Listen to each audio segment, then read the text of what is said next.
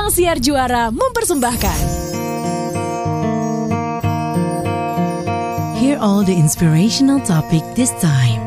Only on Diary Dave. Selamat datang kembali bersama saya Dave Hendrik di Diary Dave. Ini penting untuk diketahui. Ternyata membuat podcast itu tidak sesulit yang dibayangkan. Apalagi karena ada Anchor, aplikasi yang saya pakai untuk membuat podcast ini. Anchor ini 100% gratis dan gampang dipakainya. Berbagai fitur yang kita perlukan untuk membuat podcast, termasuk untuk mempublishnya ke Spotify, semuanya ada di Anchor. Silakan di-download aplikasinya and have fun creating your own podcast. Kali ini kita akan membahas mengenai topik yang sudah sangat melekat erat dengan kehidupan teman-teman yang menyimak Cosmopolitan FM dan juga pendengar setia Diary Dave. Personal branding. Kali ini pembahasan mengenai personal branding dengan tamu saya yang tidak sembarangan, ia sudah berkecimpung lama dalam dunia public relation. Ia adalah seorang senior consultant, Asti Chandramaya. Welcome to our show. Hi, Kak. It's an honor to meet you. Thank you for having me. A pleasure. Kalau teman-teman yang menyimak nih, terus sambil melihat Instagram, terus TikTok, pasti semua sudah tidak asing dengan wajah dan suaranya Asti Chandramaya karena ia gemar sekali membagi ilmu dan insight di social media. Anyway, before we talk about personal branding, uh, gimana dan awalnya cerita kamu mulai membagikan insight knowledge kamu ke social media sih Asti? Oke, okay, uh, jadi sebenarnya memang TikTok itu form pertama aku uh, hmm. untuk ya berbagi lah ya. Sebenarnya uh, sekali-sekali aja ngomongin insight atau knowledge selebihnya aku sering bikin konten komedi sebenarnya. Gimana awalnya? Awalnya justru bikin video karena ngerasa teman-teman gak ada yang nonton. Jadi justru itu alasan pengen mengeksplorasi diri di sosial media gitu. Uh, karena saya orang biasa saya pekerja biasa gitu ya jadi ya udah ngepost aja iseng di TikTok dan uh, one of the videos just went viral abis itu ya udah sampai sekarang konsisten uh, jadi TikTok content creator gitu kan deh hmm, Oke, okay. apa komentar teman-teman kantormu setelah mengetahui bahwa uh, you are now officially a content creator after that first video went viral? Well, um, sebenarnya sekarang kan semua orang, hampir semua orang punya TikTok dan akses TikTok gitu ya. Hmm. Jadi awalnya yang yang saya kira mereka nggak akan nonton saya, akhirnya mereka nonton gitu. Ya awalnya mereka cuman kayak, eh lo lewat FYP gue gitu. Ya udah biasa-biasa. Habis itu sekarang uh, makin banyak uh, orang yang tahu juga. Tapi mereka biasa-biasa aja dan mereka sangat suportif gitu. Apalagi aku bikin kontennya tuh yang komedi agak-agak nyeleneh kan. Sebenarnya bikin hmm. komedi perkat dunia perkantoran gitu sebenarnya ya. Uh, jadi banyak banget komentar yang nanya itu emang orang kantor nggak nonton ya videonya tapi they just don't care kayak ya udah uh, di kantor uh, tetap di kantor di luar ya uh, silahkan aja ya mereka sangat suportif sih Oke, okay. sebagai orang yang sangat paham mengenai personal branding, uh, apakah Asti juga menerapkan ilmu yang Asti ketahui mengenai personal branding dalam mengembangkan engagement dan juga uh, kedekatan Asti dengan uh, follower social media Asti? Mm-mm. Tentu, uh, justru personal branding itu sangat aku aplikasikan karena aku uh, doing the best of both worlds. Jadi aku sebagai konsultan di PR, aku uh, ber, berkomunikasi dengan teman-teman media, dengan uh, para klien gitu ya. Dan di, di satu sisi aku seorang content creator yang um, punya publik sendiri gitu, followers gitu. Jadi itu agak uh, different world keduanya gitu ya di mana uh, aku harus keep it professional di tempat bekerja aku sekarang dan di social media aku tetap bisa jadi asti yang fun gitu. Jadi uh, aku sangat mengaplikasikan personal branding itu supaya ya kalau di dunia kerja mereka tetap ngelihat aku sebagai ya asti seorang konsultan uh, on the other side ketika aku di sosmed ya asti uh, asti TikTok gitu jadi sangat hmm, hmm. mengaplikasikan hmm. lah walaupun aku nggak belajar secara teori soal personal branding jadi semua aku pelajari justru ketika aku mulai banyak terjun di social media Hmm, oke. Itu yang membuat uh, topik obrolan bersama Asti ini menarik ya. Tapi sebelum membahas mengenai personal branding, karena tadi Asti cerita uh, image uh, personal branding di kantor sama di social media dipisahkan oleh Asti. Pasti ini juga dilema yang banyak dialami oleh teman-teman sekarang ya. Uh, at least my friends go through this problem. Uh, mereka bingung gitu memisahkan. Aku harus jaim gak sih sekarang nih gue di sosial media gue now that I see my boss is following me gitu. Sebenarnya how do we find the perfect common sense for that sih Asti?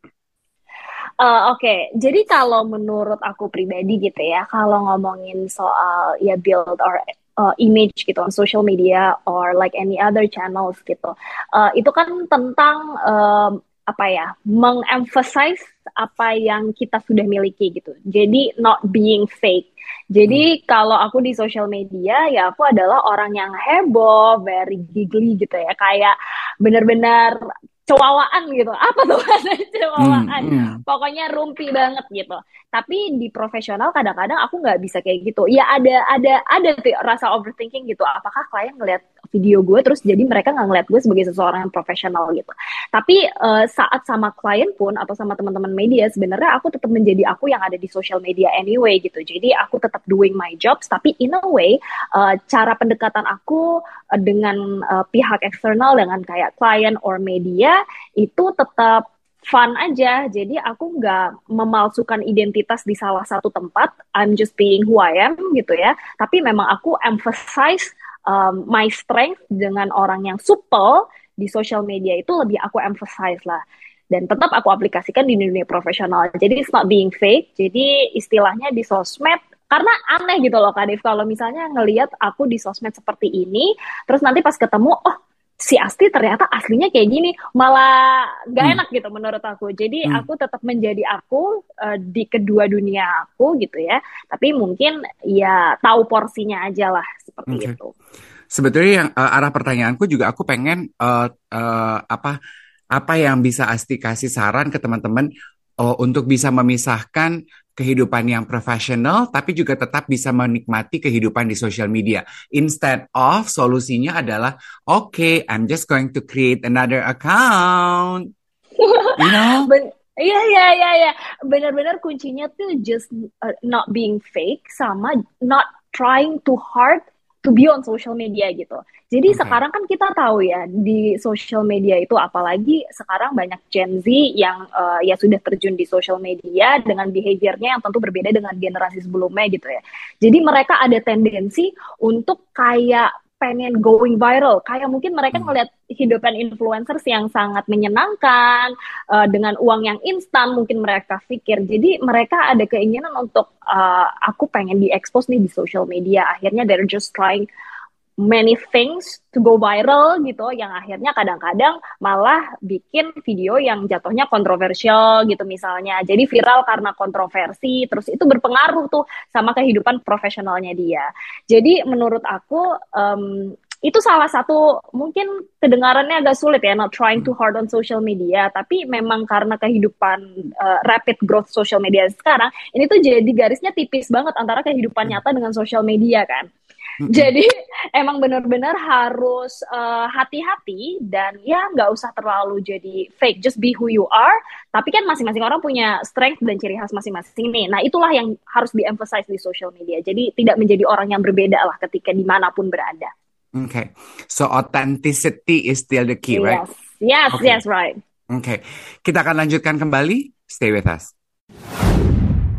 Kalau teman-teman ketinggalan menyimak uh, Diary Dave obrolan episode bersama Asti Chandramaya, teman-teman bisa meni uh, you can go through our Spotify channel. Silahkan di search Diary Dave. You can listen to all the episodes we had for you to get the insights. Personal branding. Asti, gimana Asti menjabarkan personal branding dalam bahasa untuk anak-anak saat ini?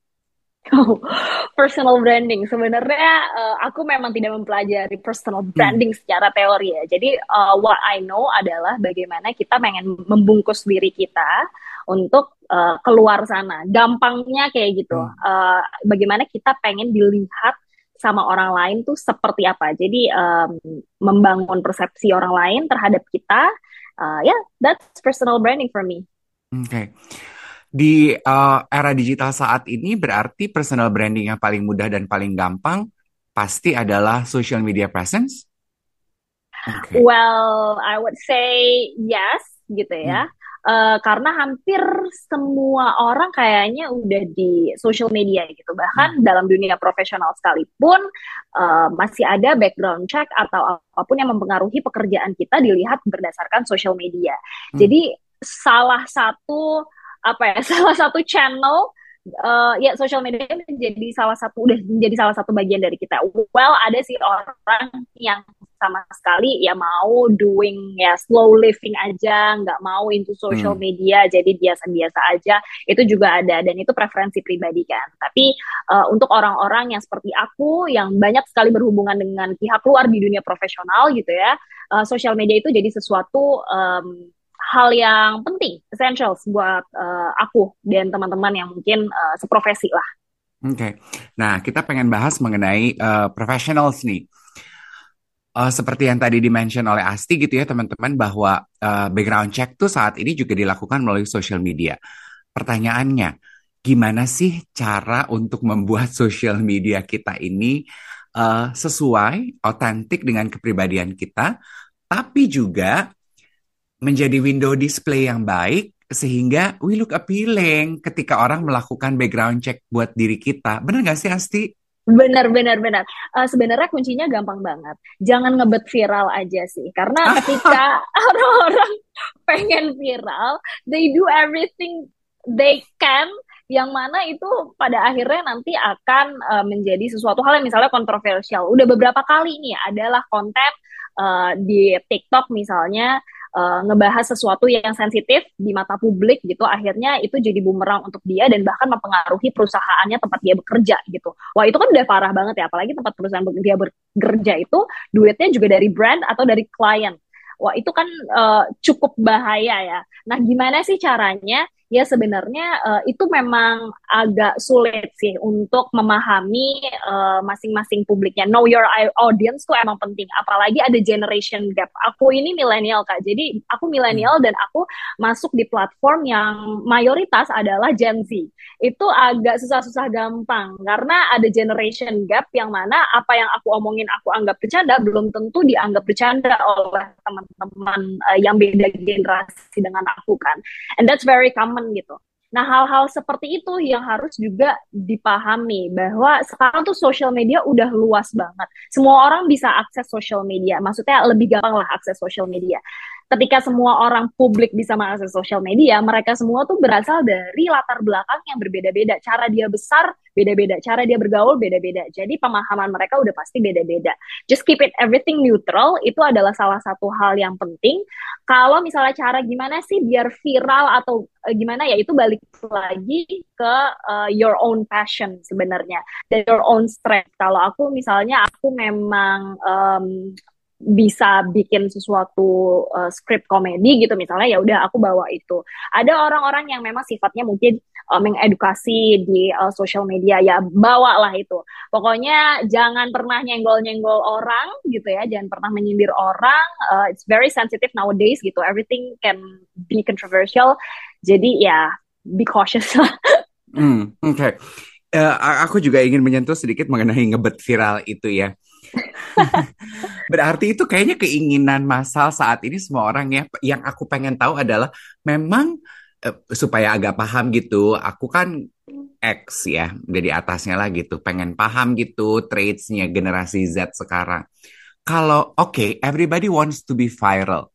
Emang kalau udah viral, lalu apa sih? Iya, yeah, well, that's that. Uh, Sebenarnya ada banyak faktor. Aku juga nggak mau judgmental ya, hmm, hmm. tapi mungkin salah satu faktornya. Ini analisa, analisa, diskusi, diskusi, diskusi. Adalah, ini analisa, exactly. Oke, okay. ini analisa aja uh, kehidupan influencers yang begitu mewah dengan instant money-nya. Hmm. Itu mungkin bisa jadi salah satu faktor mereka semua pengen dapat uang lewat situ, lewat social media itu satu. Kedua mungkin ada psychological factor gitu ya, di mana uh, ketika in real life mereka nggak terlalu nyaman untuk bergaul dengan orang-orang di dekatnya gitu ya. Jadi dia berharap ada komunikasi dengan orang lain, dengan strangers di luar sana. Jadi makanya ketika bikin konten senang tuh ada yang komen, wah ada yang komen, hmm. ada yang muji mungkin. Siapa sih yang nggak senang dipuji Kak Dave? Uh, hmm. Dan mungkin uh, di real life mereka nggak belum tentu punya kesempatan untuk bisa dipuji sebegitu banyaknya sebanyak dia dipuji di social media. Kadang-kadang itu psychological factor sih. Mungkin ada faktor ke situ juga. Uh, jadi ya mungkin yang kelihatannya mungkin paling ya ya itu sih kak. Selebihnya ya hmm. ya itu balik lagi ke preferensi masing-masing aja sih. Hmm, Oke, okay. jadi at the end of the day everybody wants to be famous karena fame diartikan uh, mendatangkan uang begitu ya? Iya, hmm. salah satunya salah satunya selain tentunya kepuasan diri yang juga Betul. belakangan ya diincar gitu ya karena kan I don't know it gives you a sense of value by being famous mungkin, mungkin ya di era digital yes, ini. Yes. Yeah. Oke. Okay. Kembali ke masalah personal branding. Tadi kita sudah membahas mengenai uh, personal branding di uh, social media. Yang aku juga pengen bahas adalah skill kan di luar dari orang yang gila-gila viral, pengen jadi influencer, ada juga kan professionals yang ingin dikenal karena skill mereka. Pengen tahu dong cara paling baik untuk membangun personal branding itu seperti apa? Nah, jawabannya setelah kita jeda lagu dulu ya. Langsung kita todong Asti. Monggo tolong dijawab Asti. Aku Aku akan mengambil catatan untuk jawaban yang ini. Waduh, kayaknya Kak Dev udah udah cukup oke okay ya personal brandingnya. Ini uh. dari uh, dari uh, pengalaman uh, pribadi aja. Tadi mungkin udah aku hmm. sebutkan untuk tidak menjadi fake just yeah. be who you are aja tapi memang uh, emphasize your strength gitu. Jadi uh, kekuatan apa sih yang mau kamu bawa di luar sana? Ya itu yang mau gue dibawa. Itu pertama. Kedua know your audience sih. Uh, ini balik lagi ke objektifnya ya. Misalnya objektifnya dalam halnya uh, mau um, kaitannya dengan professionalism gitu ya cari channel mungkin di LinkedIn gitu jadi hmm. uh, bisa aja di um, show your achievements um, your networks di situ bisa di LinkedIn gitu. Jadi uh, kedua harus memang tahu uh, channelnya masing-masing channel tuh punya audiensnya sendiri. Bahkan dari pengalaman aku aja ya ketika uh, TikTok video aku dibawa ke platform lain itu tanggapan orang jadi beda. Um, hmm. Makanya penting banget untuk um, fokus on your channel dulu gitu ya. Nanti kalau misalnya memang mau ya leverage another channels ya silahkan aja gitu. Tapi memang itu harus diketahui jadi makanya balik lagi ke objektifnya pokoknya kuncinya aku nggak capek-capek sih ngulang untuk not being fake gitu ya kadang-kadang tuh orang tuh melihat personal branding sangat dikaitkan dengan palsuan gitu you're just being fake on social media aslinya lo nggak kayak gitu nah itu sebenarnya akan jadi bumerang sih uh, kalau di aku gitu ya kalau misalnya aku adalah sosok yang berbeda di social media versus sekarang um, versus in real life gitu ya agak sulit gitu ya. Ya itu tadi ya karena aku bilang memang sekarang tuh thin lines tuh bener-bener thin lines banget between social media and reality gitu kan. Jadi bener-bener just not being fake aja sih kalau ngomongin soal personal branding gitu. Oke. Okay. uh, not being fake. Nah setelah social media kan sarana personal branding bagi kita untuk membangun personal branding kita nggak hanya social media aja ya yes yes Nah, berarti untuk uh, personal branding offline, Cela, apa sih yang bisa kita lakukan tuh? Well, personal branding offline ya. Sebenarnya kalau yang offline itu selama memang nggak terlalu banyak ketemu sama uh, publik gitu ya, misalnya ya sebenarnya nggak terlalu jadi sesuatu yang necessary gitu. Apalagi kalau offline kan sebenarnya ya ma, uh, salah satu caranya dengan misalnya kita networking gitu kan dengan orang. Agak sulit sebenarnya untuk melakukan offline di era gempuran digital ini di sosial media ini kayak karena orang-orang ketika udah offline ujung-ujungnya dia cari sesuatu di online juga gitu. Kayak we depend so much on social media and uh, internet gitu. Tapi kan uh, maksudnya dalam dunia digital itu nggak cuma ada social media. Misalnya di media juga media konvensional gitu. Kayak ya media-media berita itu kan bisa bisa menjadi salah satu channel. Kalau misalnya secara offline, ya just be who you are aja sih. It's part of the personal branding kok untuk menjadi diri kamu yang uh, sebenarnya. Nah, ada kesulitan nih kadang-kadang orang yang merasa kayak aduh gue tuh introvert gitu, susah ngomong sama orang. Gitu nah. gitu kan jadi kayak kalau ketemu orang baru aja gue nggak mau nggak bisa ngomong gimana boro-boro personal branding gitu ada orang yang katanya di um, ada I don't know ya ini secara teori ada yang bilang extrovert introvert itu adalah pengaruh dari baterai our social battery aja gitu. Uh, tapi ya aku paham sih ada orang-orang yang memang agak sulit untuk ketemu orang gitu terus bingung mau ngomong apa. Sebenarnya itu adalah sesuatu yang wajar dan gak ada masalah juga kalau misalnya kamu ada uh, bingung lah misalnya mau ngomong sama orang baru gitu. Makanya tadi instead of you're just trying too hard or pada akhirnya lo menjadi seseorang yang bukan diri lo gitu mending just just be who you are it's part of the personal branding anyway gitu dan jangan lupa untuk tetap mengemphasize apa yang pengen kamu emphasize jadi emphasize your strength itu uh, masih jadi hal yang paling utama lah untuk hmm. personal branding. Hmm. Oke, okay. kita akan lanjutkan. Kita masih punya satu bagian terakhir bersama tamu kita di Diary Dave kali ini. Kita lanjutkan Diary Dave bersama Asti Chandramaya, seorang senior consultant.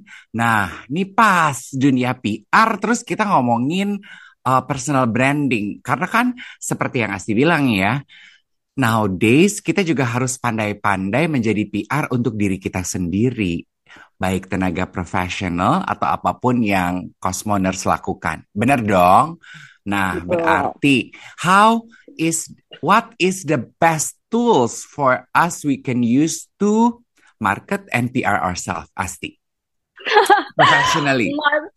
Professionally I think um, sekarang tuh bener-bener uh, depends on social media sih. Semua orang kayaknya bergantung pada social media. Dan itu nggak cuman kita sebagai seorang personal personal yeah. gitu ya. Sekarang uh, brands also do the same thing gitu kan jadi uh, kita benar-benar uh, salah satunya ya social media is really helpful gitu. Dan di social media tuh eh, nggak uh, usah terlalu apa ya maksudnya emang balik lagi sih harus menjadi diri sendiri aja. Kalau misalnya if you like traveling ya udah gitu. Isinya silahkan aja traveling. Maksudnya nggak uh, harus menunjukkan apa sih yang kayak ada pressure gitu. Kayak orang-orang kok punya branding sendiri ya di social media. Kok gue nggak ada ciri khas nih di social media gimana? Semua orang tuh pasti punya kesukaan masing-masing. Ya udah silakan emphasize di itu aja. Nah uh, balik lagi soal uh, personal branding gitu ya. Jadi ya memang pada akhirnya selama uh, kita tidak nyenggol orang melakukan controversial content misalnya sensitif itu nggak uh, ada masalah sih. Ada juga kadang-kadang orang yang di personal branding nih pengen nge-branding diri mereka misalnya di travel di travel dia suka travel terus kayak they're trying too hard to show off their traveling journey. Padahal mungkin di balik itu adalah orang-orang di offline ngomongin eh dia kan padahal traveling mulu lu tau gak sih dia kayak gini-gini wah berantakan tuh jadinya. Padahal sekarang udah sulit tuh kayak gitu kak karena benar-benar garisnya hmm. tipis banget antara realita dengan social media. Makanya uh, just be who you are on social media because it's now part of your personal branding gitu Oke, okay. aku pengen bahas itu juga dong karena uh, Asit tadi juga udah mention garisnya tuh sekarang tipis banget antara kehidupan keseharian kita dengan sosial media. Apa sih maksudnya itu bahwa uh, we always portray everything on our daily from our daily life to our social media gitu maksudnya? Well, I would say yes dan apa ya uh, sekarang tuh orang di kehidupan nyata ngelihat apa yang ada di sosial media itu sebagai kejadian yang sebenar-benarnya kan. Okay. Jadi uh, ya kayak dulu lah kalau dulu tuh uh, ada istilahnya kan kayak heavy viewers gitu ya. Jadi apa yang ada di berita orang hmm. tuh menanggap bahwa apa pun yang ada di berita itu adalah sesuatu yang sebenar-benarnya. Sekarang kita ya. digital, we go digital. Jadi orang ngelihat apa yang ada di media sosial adalah apa yang sebenar-benarnya. Mau itu kadang-kadang uh, ada berita hoax aja tuh kayak kayaknya ini yang beneran terjadi. Pasti ada sebagian orang yang akhirnya merasa hal itu adalah hal yang benar kan. Jadi it's sangat tipis sekali dan kesalahan sedikit yang kita lakukan di sosial media itu bisa banget impact ke our daily lives. Itu kasihan sebenarnya kan jatuhnya jadi uh, affecting our uh, mentality gitu. Jadi mentalnya hmm. terganggu karena wah apalagi sekarang internet bully tuh lumayan wild gitu ya kak. Jadi hmm. uh, akhirnya bikin stres juga makanya itulah tipis sekali garisnya sekarang. Hmm, okay. Dan kadang-kadang misalnya nerima hate comments nih, nggak semua orang siap nerima hate comments kan ya Kak Dev. Jadi hmm. kalau ada orang nerima hate comments, dia ngerasa bahwa semua orang tuh membenci dia pada akhirnya. That's hmm. part hmm. of the thin lines between reality and social media juga gitu. Padahal hmm. kan it's just internet comments sebenarnya. Kita hmm. juga nggak tahu itu siapa.